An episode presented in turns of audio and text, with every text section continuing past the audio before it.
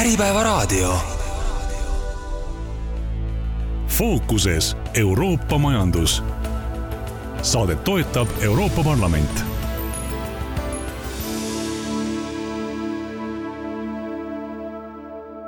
tere päevast, te kuulate saadet Fookuses Euroopa majandus. seekordses saates räägime Euroopa kaitsekoostööst, Euroopa Liidu võimalikust laienemisest ja ei saa ka kevadistest Europarlamendi valimistest mööda vaadata.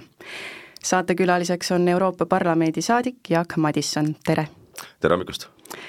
Esmalt seame fookuse Ungari poolt päevakorda toodud probleemile, kus üks Euroopa Liidu riik suudab kogu ülejäänud kahekümne kuue liikmesriigi töö seisata.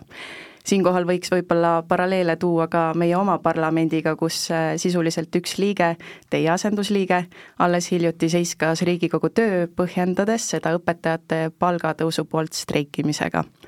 kuidas teie Europarlamendi saadikuna sellist käitumist näete? No ma arvan, et Rahvusparlament, Riigikogu ja siiski Euroopa Liit kahekümne seitsme liikmesriigi on kaks täiesti erinevat asja. et ilmselgelt, et üks Riigikogu liige, kes on aknaalune, ei kuulu mitte ühtegi erakonda, ei võrdu siis ühe liikmesriigiga, kes on võrdväärne ju teiste liikmesriikidega. et seda debatti on ka eelnevatel päevadel peetud siin teistes Eesti portaalides ja ma ütleks, et seal noh, tihti nagu unustatakse üks oluline asi ära, et, et me oleme ju liitunud liiduga, kus kõigil on väidetavalt võrdne hääl ja võrdne kaal ja Euroopa Ülemkogul, mis on siis valitsusjuhtide kohtumine, on alati olnud igal liikmesriigil üldiselt enamus küsimustel vetoõigus, kui mingid küsimused absoluutselt neile ei sobi. ja ma mäletan, see käis ka kahe tuhande teisel, kolmandal aastal enne, enne referendumi toimumist liitumaks Euroopa Liiduga, siis põhiline argument oli see, et me oleme võrdsematest võrdsemate seas.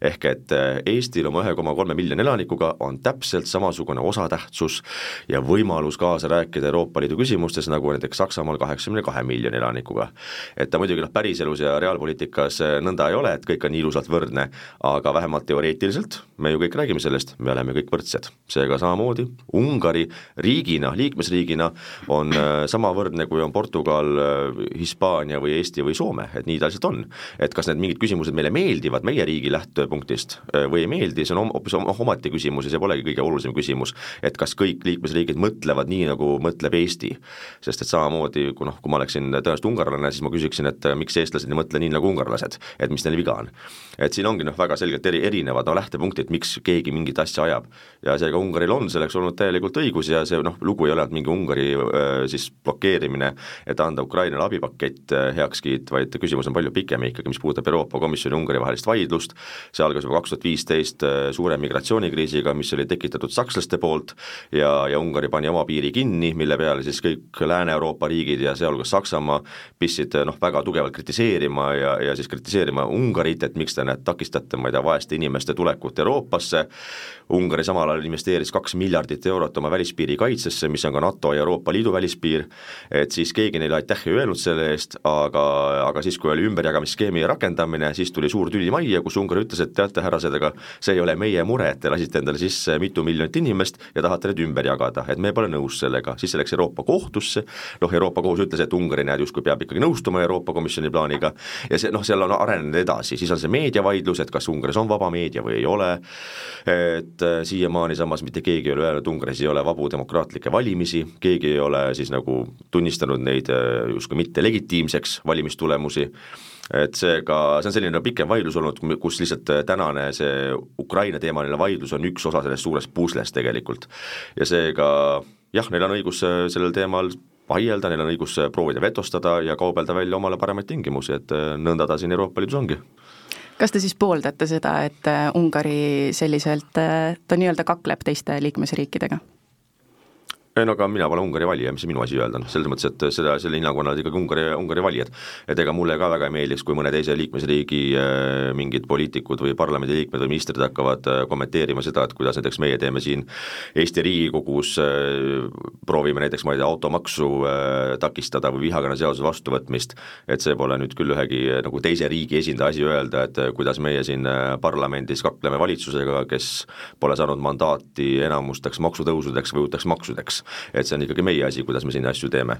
aga, aga mis puudutab seda, et see väide tihti, kus öeldakse, et Ungari blokeerib terve Euroopa Liidu toimimist, et noh, see päris nõnda ei ole, et siiski kõik aluslepingud Euroopa Liidus lubavad ka väiksemal hulgal liikmesriikidel minna edasi mingite otsustega. et kui äh, Ungari oleks olnud lõpuni, ütleb, et meie, meie pole nõus sellega, sest et noh, me peame aru saama, et kust see viiskümmend miljardit tuleb. et see viiskümmend miljardit eurot ei tule Euroopa Liidu üldeelarvest, see on eraldi rahastus uue laenu võtmisena, kus siis äh, kakskümmend seitse liikmesriiki või mingi osa liikmesriike annavad sellele tagatise, et me anname nelja aasta vältel viiskümmend miljardit Ukrainale, eelkõige siis süsteemi toimimas hoidmiseks, ehk et ma ei tea, ametnike palkade maksmine, sotsiaalsüsteem, avalikud teenused, et see ei ole isegi sõjaline abi, see on lihtsalt ütleme, et riik oleks käigus neli aastat.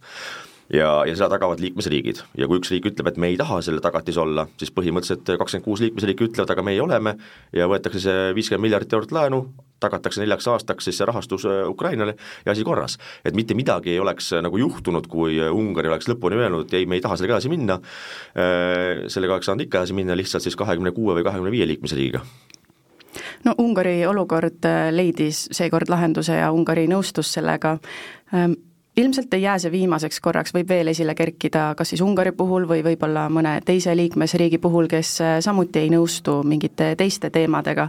kuidas ja üldse, kas peaks äh, tulevikus vältima selliseid probleeme või kuidas neid lahendada?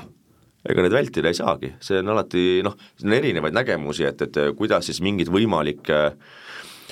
vaidlusi või erimeelsusi ennetada või, või välistada, et äh, noh, ka Eestist on valitud Euroopa Parlamendi liikmeid, kes näiteks äh, väga toetavad või propageerivad ja töötavad selle nimel, et kaotada ära ühehäälsusnõue Euroopa Liidus, mis puudutab siis välisküsimusi, sanktsioonipoliitikat ja inimõiguste küsimusi. hetkel on nõutud konsensus, ehk et kõik liikmesriigid peavad nõus olema, näiteks kui me rakendame sanktsioone või või võtame vastu mingisuguseid erimeetmeid äh, välispoliitikas Eesti on liitunud teadmisega, et meie häälel on enam-vähem võrdne kaal teiste liikmesriikidega.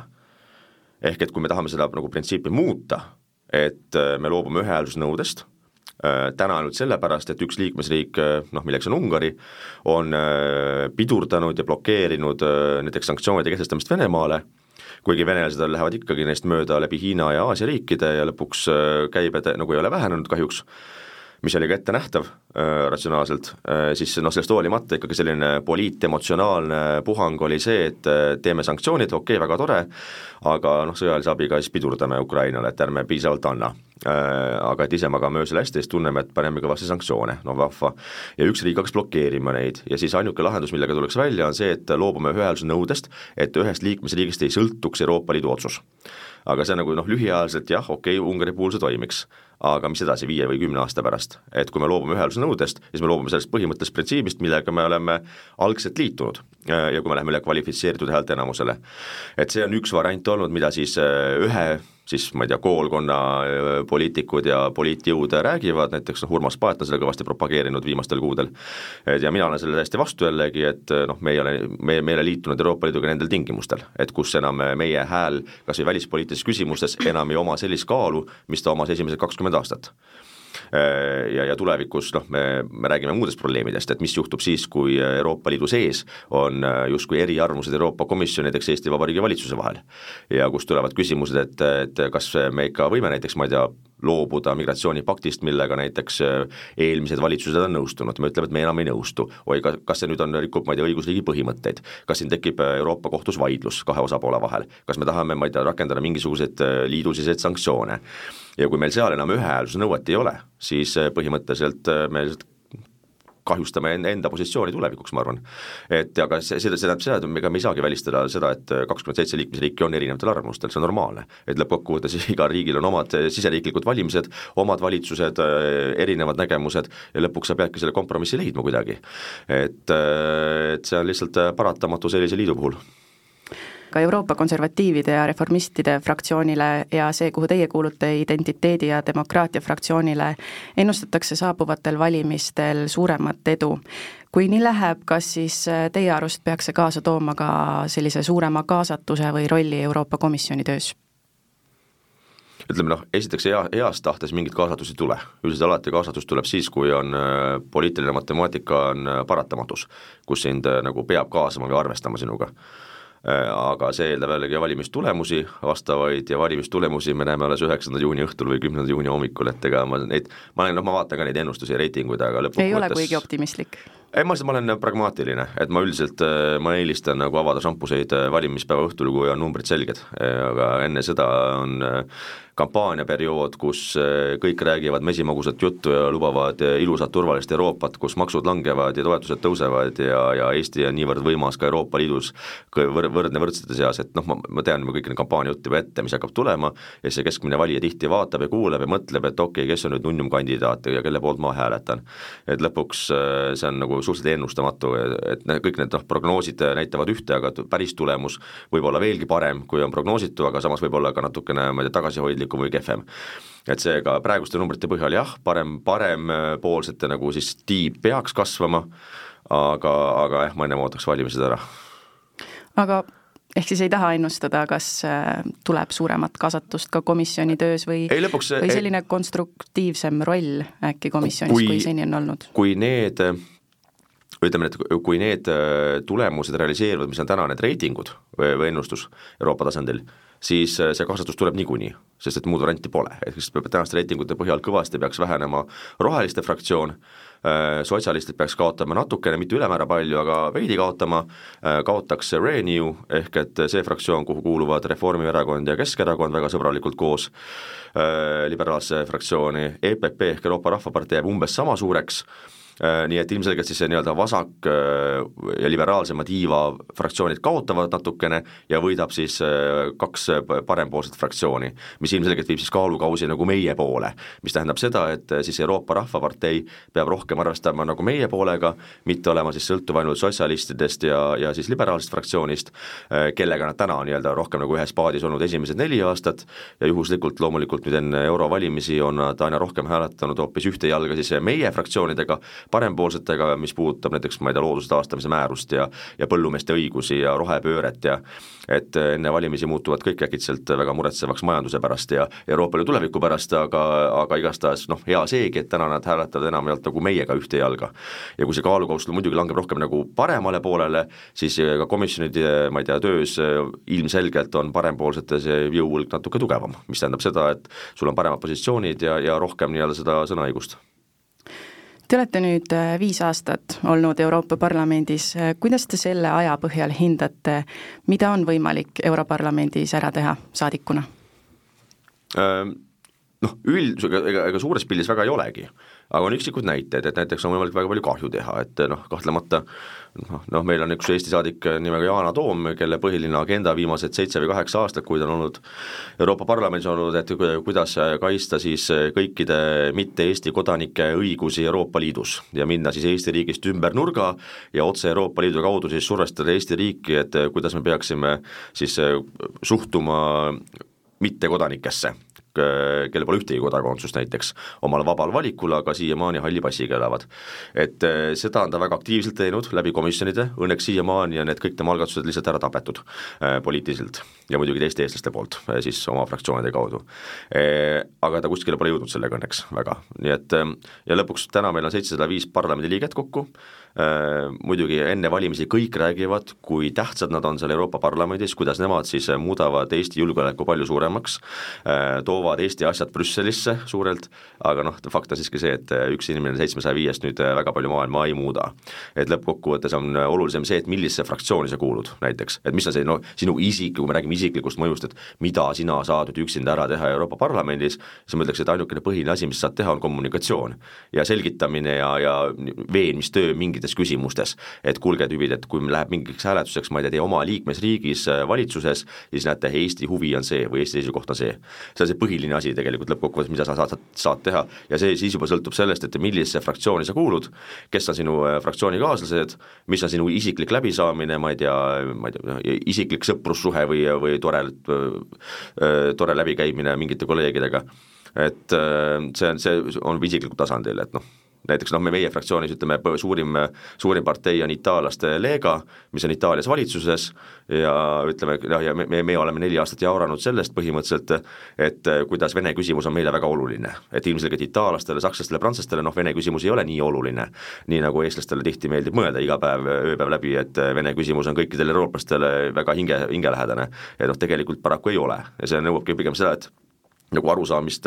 et, et sa pead seda veenma lihtsalt ja selgitama väga inimlikult, emotsionaalselt, et ei ole väga tore see, kui su sugulasi saadetakse Siberisse.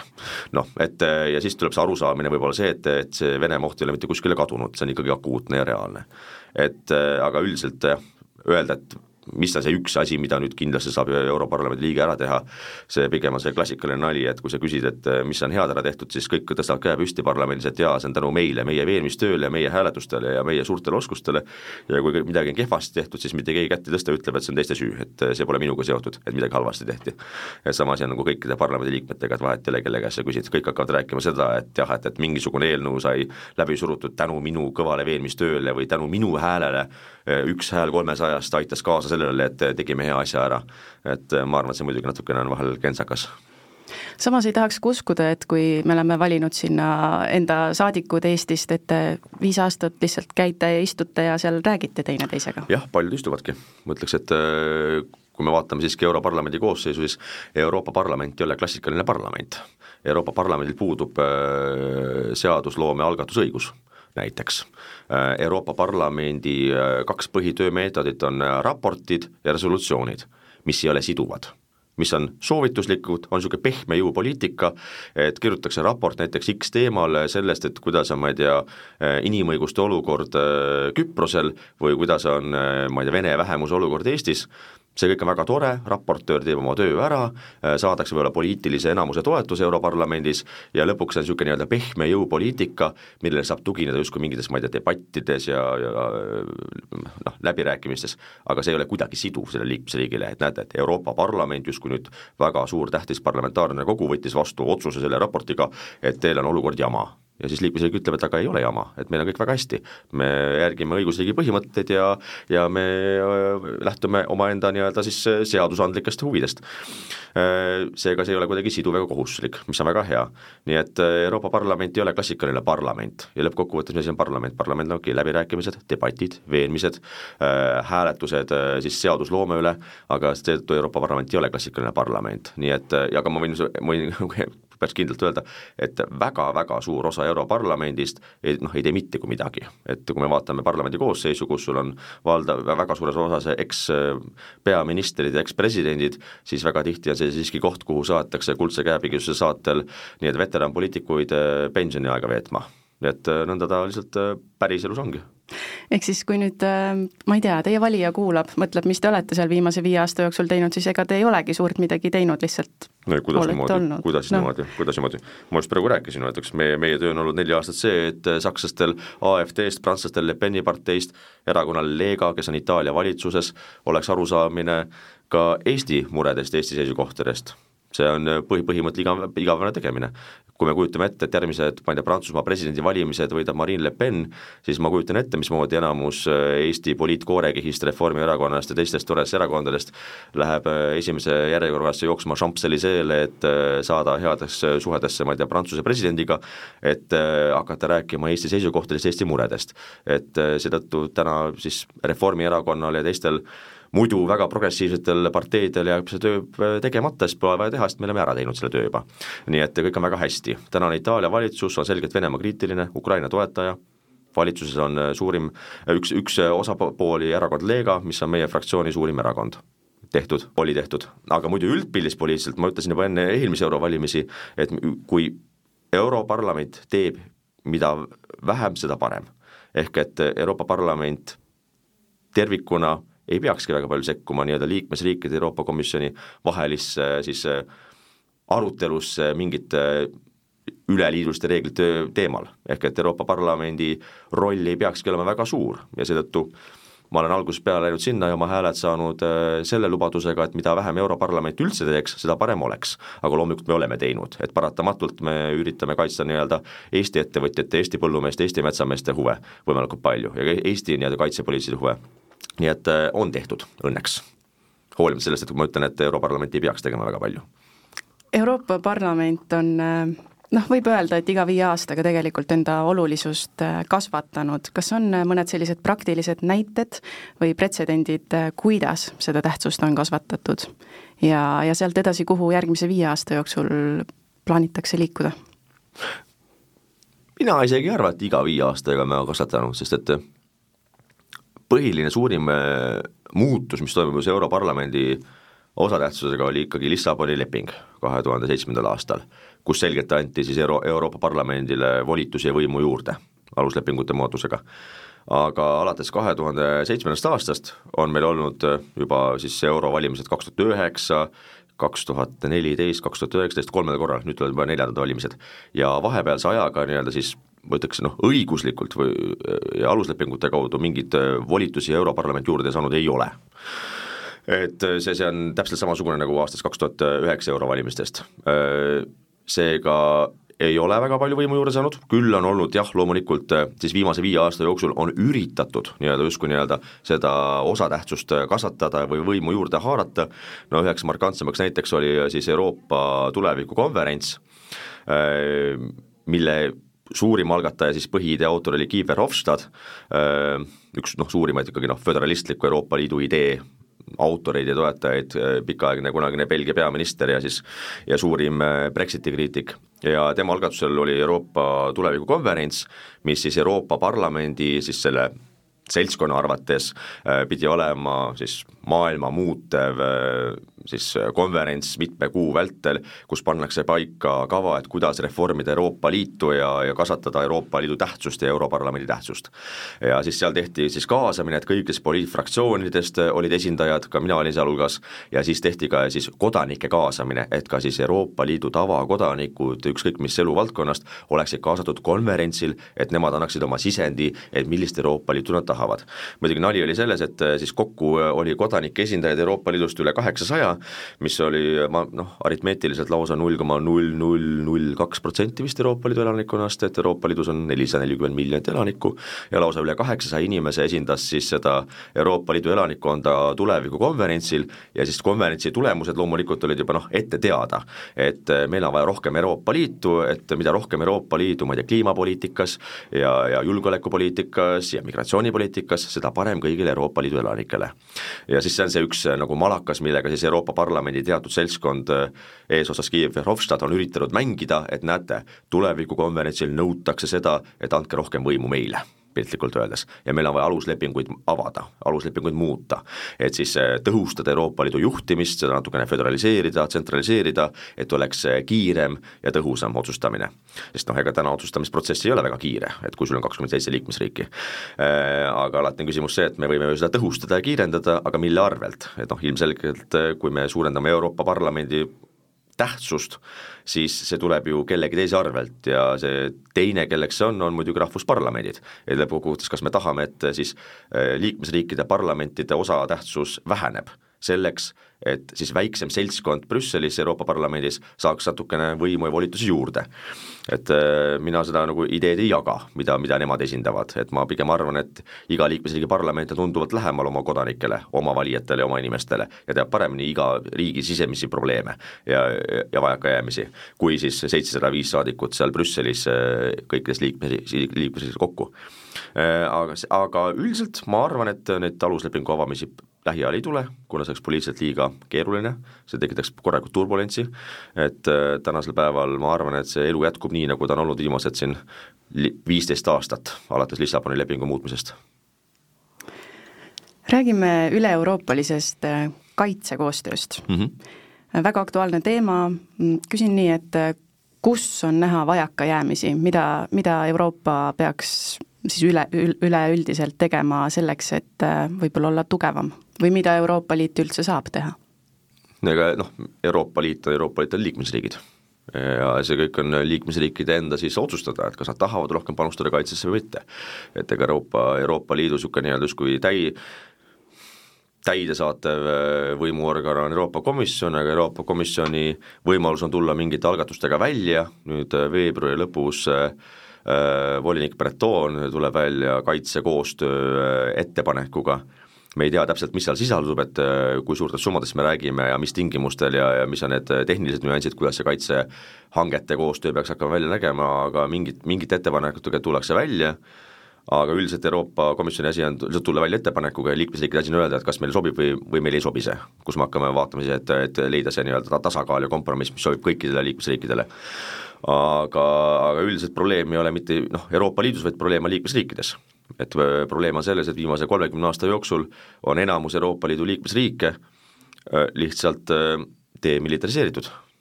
liiga väikeste kaitsekuludega äh, ja loomulikult põhjusel, et äh, kõiki muid kulutusi on ka vaja teha. Ja palju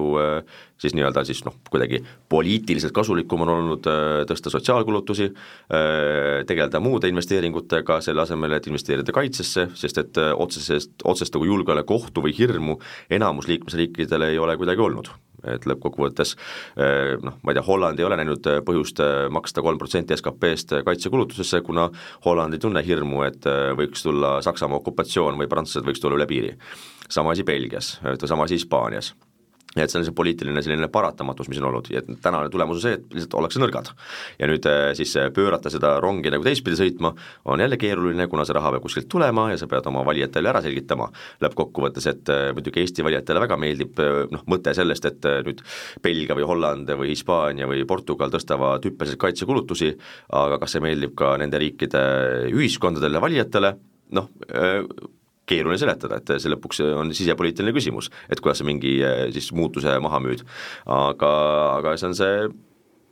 mõttemaailma viga lihtsalt, ma arvan, mis on olnud viimase kolmekümne aastaga, kus on arvatud, et et sõdad, sõdade aeg on läbi, eh, Venemaa on normaalne riik, kellega on tore kaubandust ajada ja ega meil mingit probleemi enam eh, julgeolekuga ei ole. Et lihtsalt see asi on vaja teistpidi käima panna ja ma mõtleks, et noh, juhtriigid selles on muidugi Saksamaa ja Prantsusmaa, et kõik teised on seal sellised nii-öelda noh, kolmandajärgulised. et, et nemad on suurimad majandused ja, ja kui Saksamaa saab oma kaitsetööstuse käima, siis põhimõtteliselt Saksamaa on kahe aastaga noh, Euroopa tugevam riik aga see ongi niisugune poliitiline, poliitiline probleem, et täna tundub isegi, et äh, kantsler Scholz on vähemalt sõnades retooriliselt sellest aru saanud, abi Ukrainale on tõusnud äh, aastaga no hüppeliselt täna ta on null koma kaks protsenti Saksamaa SKP-st, mis noh, muidugi meie jaoks, meile meeldib äh, olla uhkelt esirinnas, et me maksame siin äh, iga aasta lubame, lubame maksta null koma kakskümmend viis protsenti oma SKP-st Ukrainale, et Saksamaa maksab täna null koma kaks protsenti aga arvestades Saksamaa majanduse suurust ja kogumahtu muidugi, siis on see nagu noh, meeletu summa, mida Saksamaa on täna juba valmis maksma, et see on võtnud lihtsalt liiga pikalt aega, et selleni jõuda. aga kui see nagu, see trend jätkub samas viisis, siis äh, ei ole üldse halb. Aga nüüd küsimus on see, et mida saab Euroopa Liit teha, siis Euroopa Liidu asi on koordineerida. sisuliselt me räägime sellest, et äh, sama regiooni riigid teeksid koos kaitsehankeid, ehk et kui me noh, investeerime relvastusse äh, või mürskudesse või, või ma ei tea, laskemoona või rakettidesse ja et me teeksime koos neid hankeid, lõppkokkuvõttes saada hinda alla ja et meil oleks need süsteemid ühildatavad kohe naaberriikidega, see on põhiline küsimus. Äh, aga, aga muidu need kaitseinvesteeringud äh, ja otsene relvastus, noh see saab olema ostetud ikkagi liikmesriikide enda otsuste põhjal enne te mainisite, et äh, räägite parlamendis seal itaallastega, kellel on vaja asju seletada, aga mis nad siis, äh, kuidas näiteks itaallased põhjendavad, ähm, miks, miks nad ei näe seda ohtu Venemaa poolt või kuidas siis noh, parlamendi tasemel näiteks või saadikute tasemel teha neile selgeks, et äh, need kaitsekulutused on olulised ka Euroopa üleselt? ütleme, prantslastel on lihtsam teha, kuna prantslastel on oma huvi oma kaitsetööstusettevõtetega. itaallastega on keerulisem sellepärast, et itaallastel puudub selline korralik sõjatööstus ehk et äh, ütleks, et äh, on noh, kaks asja, mis lõpuks panevad rattad käima, on äh, sisepoliitiline huvi ehk avalik arvamus, sest noh, noh, me ei saa eirata lihtsalt asjaolu, et siiski, et, et enamus erakondi, enamus kandidaate, ükskõik mis erakonnast, vaatavad avalikku arvamust ja üritavad hääli saada. ja lõppkokkuvõttes noh, see, see on nagu paratamatu, et ilmselgelt mitte ükski erakond äh, Lõuna-Euroopa riikides ei mõtle selle peale, et mis oleks populaarne Eesti valijatele, vaid ta mõtleb ikkagi, mis on sinu enda koduriigis populaarne sinu valijatele ja mis on nende mured või mis on nende arvamus. ja kui me vaatame siiski nagu neid uuringuid, siis need on päris nagu noh, inetud, et lõppkokkuvõttes, kui me vaatame aasta aega tagasi tehtud uuring, et mis on avalik arvamus Euroopa riikides relvastuse andmise osas Ukrainale, siis äh, Hispaanias, Itaalias üle viiekümne protsendi avalikust arvamust oli vastu me ei peaks rohkem relvastust andma, kuna see eskaleerib sõda, äh, see toob veel hukkunuid ja niisugune väga patsifistlik lähenemine ühiskondades. ehk siis nüüd nende arusaamine sõjast on lihtsalt niivõrd teistsugune, kui sa elad kaks-kolm tuhat kilomeetrit eemal ehk et sul, noh, sul puudub see isiklik hirm, sest sind mitte kunagi ei ole okupeerinud Venemaa, nad pole sind kunagi ähvardanud, sul puudub kolmkümmend protsenti elanikkonnast vene vähemust, Tallinnas on viiskümmend protsenti elanikkonnast äh, mitte-eestlased, et noh, sul puudubki isiklik arusaam, küll aga mida sa näed igapäevaselt, on hinnatõus, inflatsioon, sa näed energiakriisi, sa näed seda, et sul on probleem äh, illegaalse immigratsiooniga, sa näed, et su väikelinnades majutatakse nii-öelda siis ütleme, migrante ja sinu jaoks on see igapäevane probleem, ehk et sa keskendud sellele, et kuidas mingid erakonnad, keda sa valid, tegelevad sinule oluliste probleemidega. ja seetõttu see ongi nagu niisugune nagu väga keeruline koht, kus leida nagu seda balanssi, et kuidas maha müüa mõte sellest, et ka kaitses on meie huvi see, et Lõuna-Euroopa riigid paneksid ikkagi kaitsesse piisavalt palju, vähemalt kaks protsenti oma SKP-st, kuna nad on ka NATO liikmesriigid aga, aga muidugi parem on alati lihtsam on siis müüa, kui selles liikmesriigis on olemas ka kaitsetööstusettevõtted. et äh, kui me investeerime kaitsesse ja te investeerite ka teie, siis võidab teie kaitsetööstusettevõte ehk võidab teie riigi majandus kaudselt. täpselt nii, nagu täna teevad poolakad ja ameeriklased omavahel. et lõppkokkuvõttes äh, ameeriklaste huvi on äh, noh, et ne, kui sa teed, teed hankeid, ostad tanke, siis täna poolakate otsus on olnud osta neid Abram-, Abramseid ameeriklastelt. ehk et see on nagu win-win suhe lõpuks. Kui me peaksime tegema, selgitama prantslastele, siis muidugi ütleme, meil on lihtsam selgitada siis, kui me ütleme, et me ostame oma sada tanki hoopis prantslastelt või, või laskemoona mitte ameeriklastelt, aga see on alati sellegi noh, poliitilise tasakaalu koht, et et kus sa hoiad nagu häid suhteid võimalikult enamusliitlastega ja ei pane kõike mune nagu ühte korvi. aga see selgitamine ütleme, nõuab aega ja niisugust nii-öelda vilumust ja, ja kannatlikkust. aga, aga lõppkokkuvõttes eks see põhiargument on see, et me oleme NATO-s ja teie huvides on see, et ütleme, et idafront pü-, püsib seal, kus ta täna on. ehk et see pole ka teie huvides, kui kolmekümne aasta pärast Venemaa piir on Itaaliale või Prantsusmaale tunduvalt lähemal. või kui sakslaste piir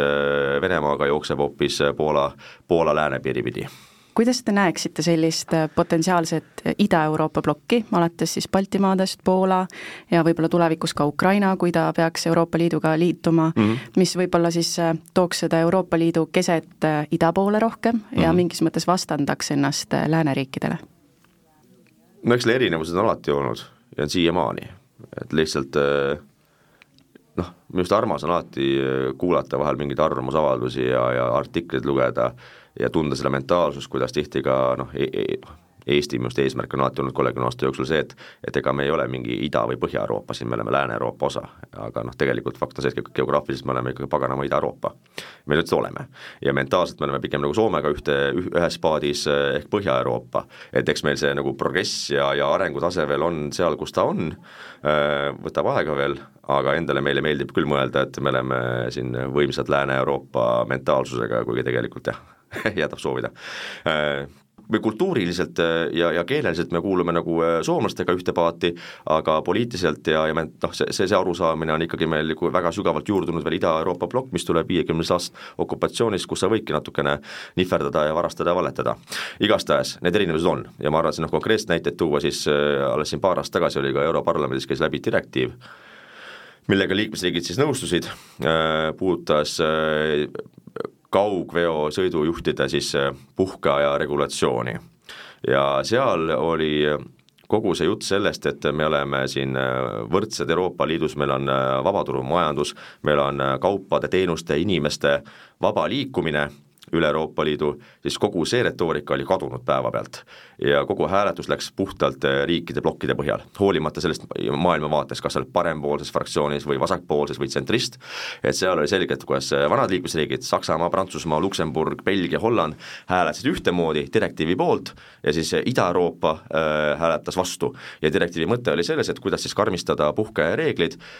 Äh, kaugsõidu autojuhtidele ja sisuline põhjus oli selles, et lihtsalt väga palju näiteks Rumeenia või Leedu siis äh, autofirmasid, kes osutavad auto, autotransporditeenust, on äh, siis löönud konkurentsis Lääne-Euroopa ettevõtteid ja võtnud turuosa ära Lääne-Euroopas eh, kaubaveoteenustega, ehk pakkudes soodsamat hinda lihtsalt. ja see muidugi Lääne-Euroopale, vanadele riikidele ei meeldi, et Leedu ja Rumeenia autojuhid võtavad nende leiva ära.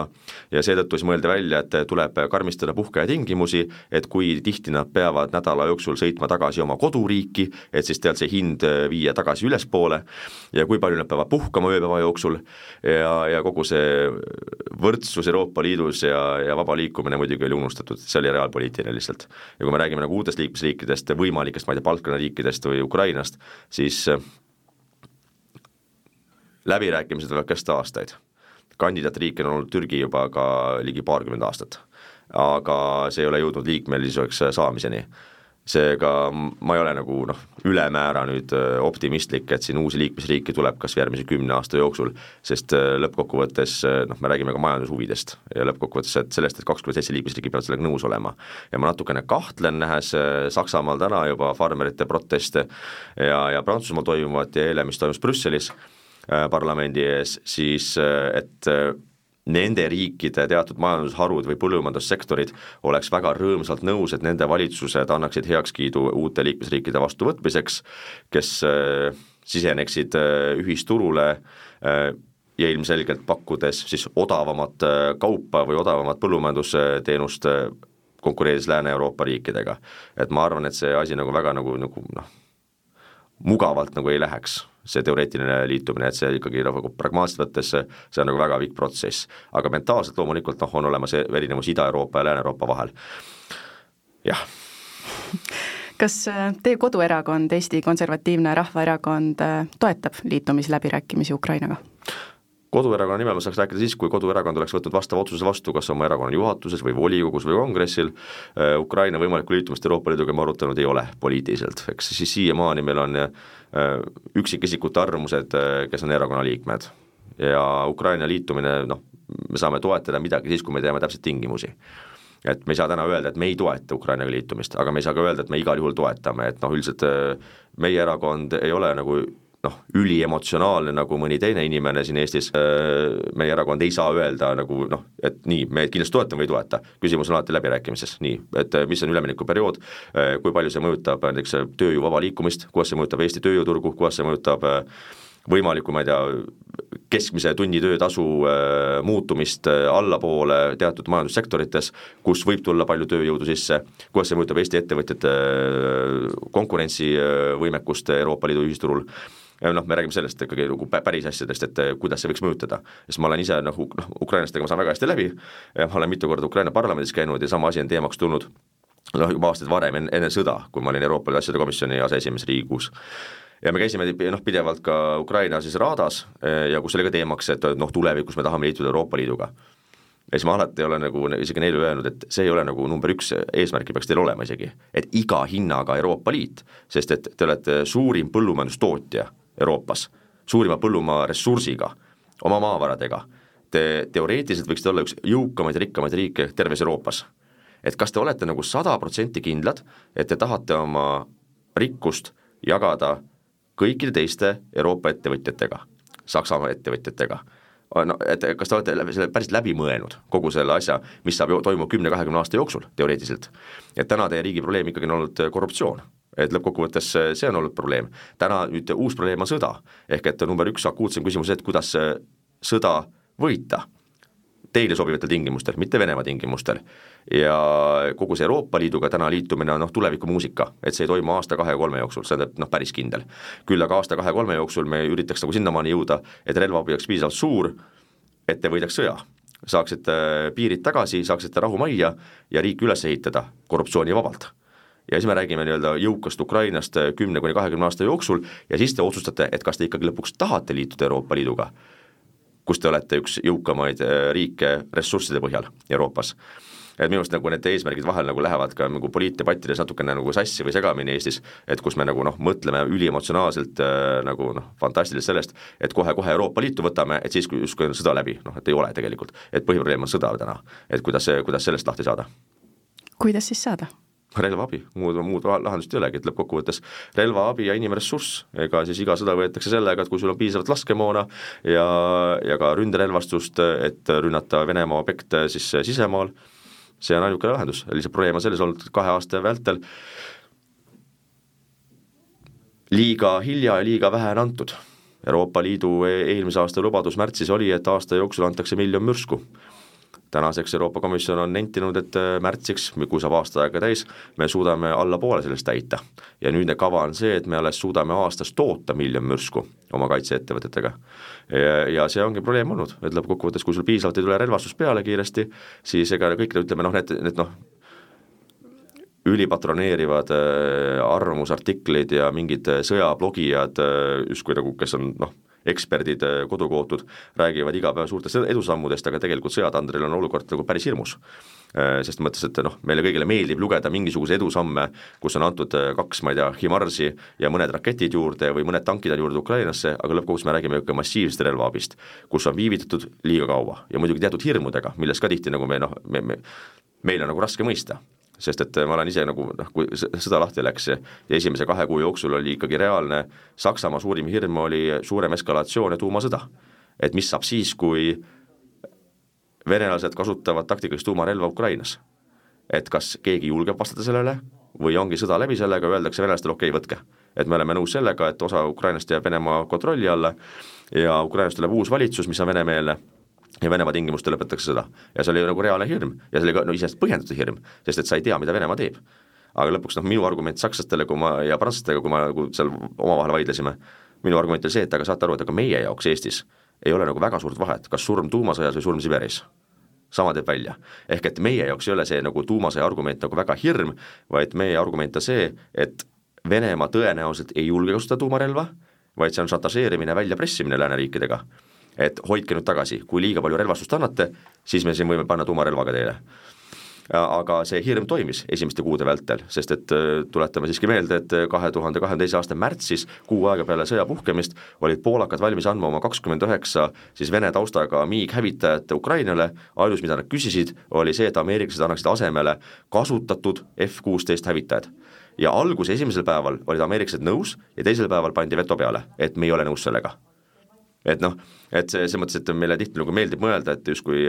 lääne liberaaldemokraatlik äh, maailma valitsemine hoiab sõjad eemale ja aitab meid hoida rahus ja turvalisuses, kuid fakt on siiski see, et see tänane nagu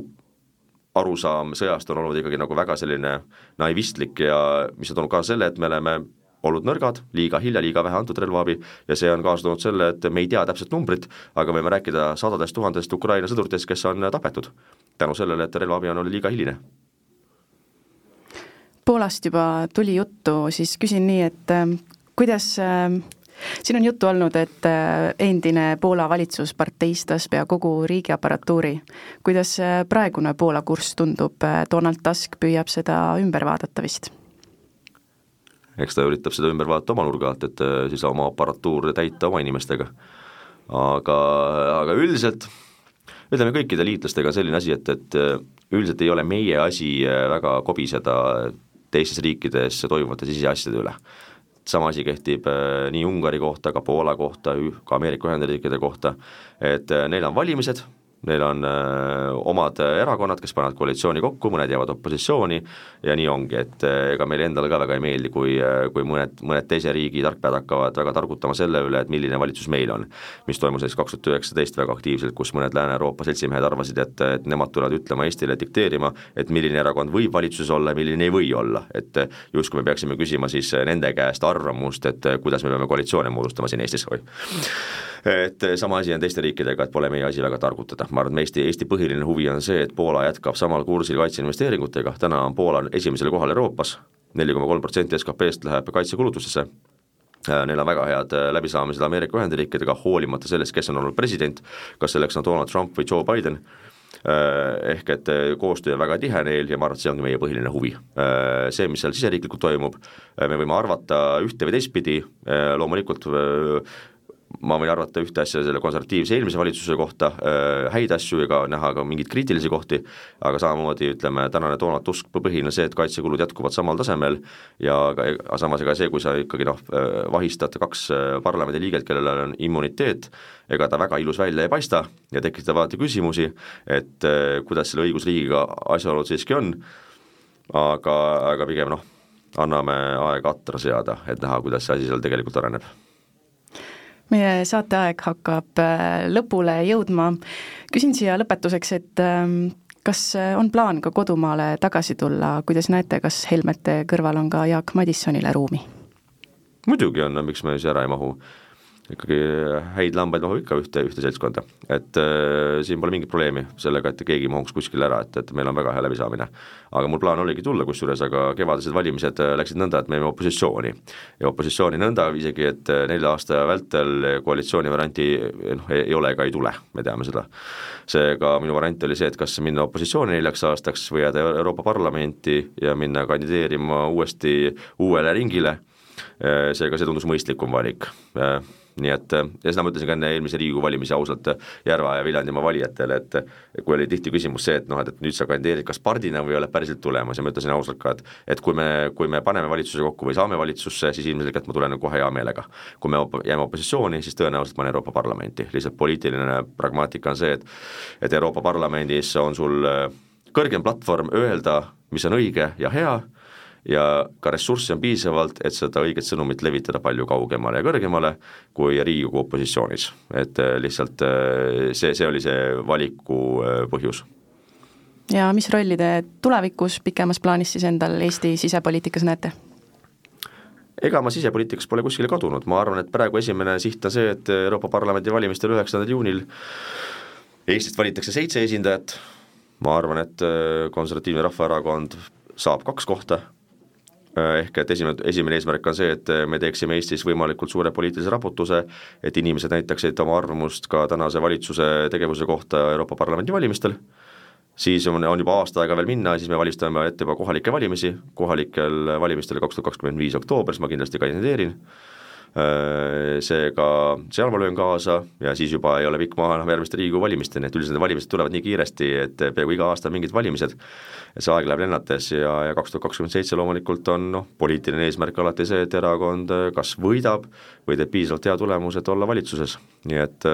ja kui kaks tuhat kakskümmend seitse oleks võimalik äh, lahkuda Euroopa Parlamendist selleks, et äh, me oleksime valitsuses, siis suurima heameelega aitäh saatesse tulemast, Jaak Madisson ja jõudu tööle! aitäh kutsumast! mina olen saatejuht Sigrid Hiis, te kuulasite saadet Fookuses Euroopa majandus, kus põhifookus oli seekord Ungaril ja Euroopa kaitsekoostööl. uus saade on eetris kahe nädala pärast ja siis on saatekülaliseks Euroopa Parlamendi saadik Urmas Paet. head päeva!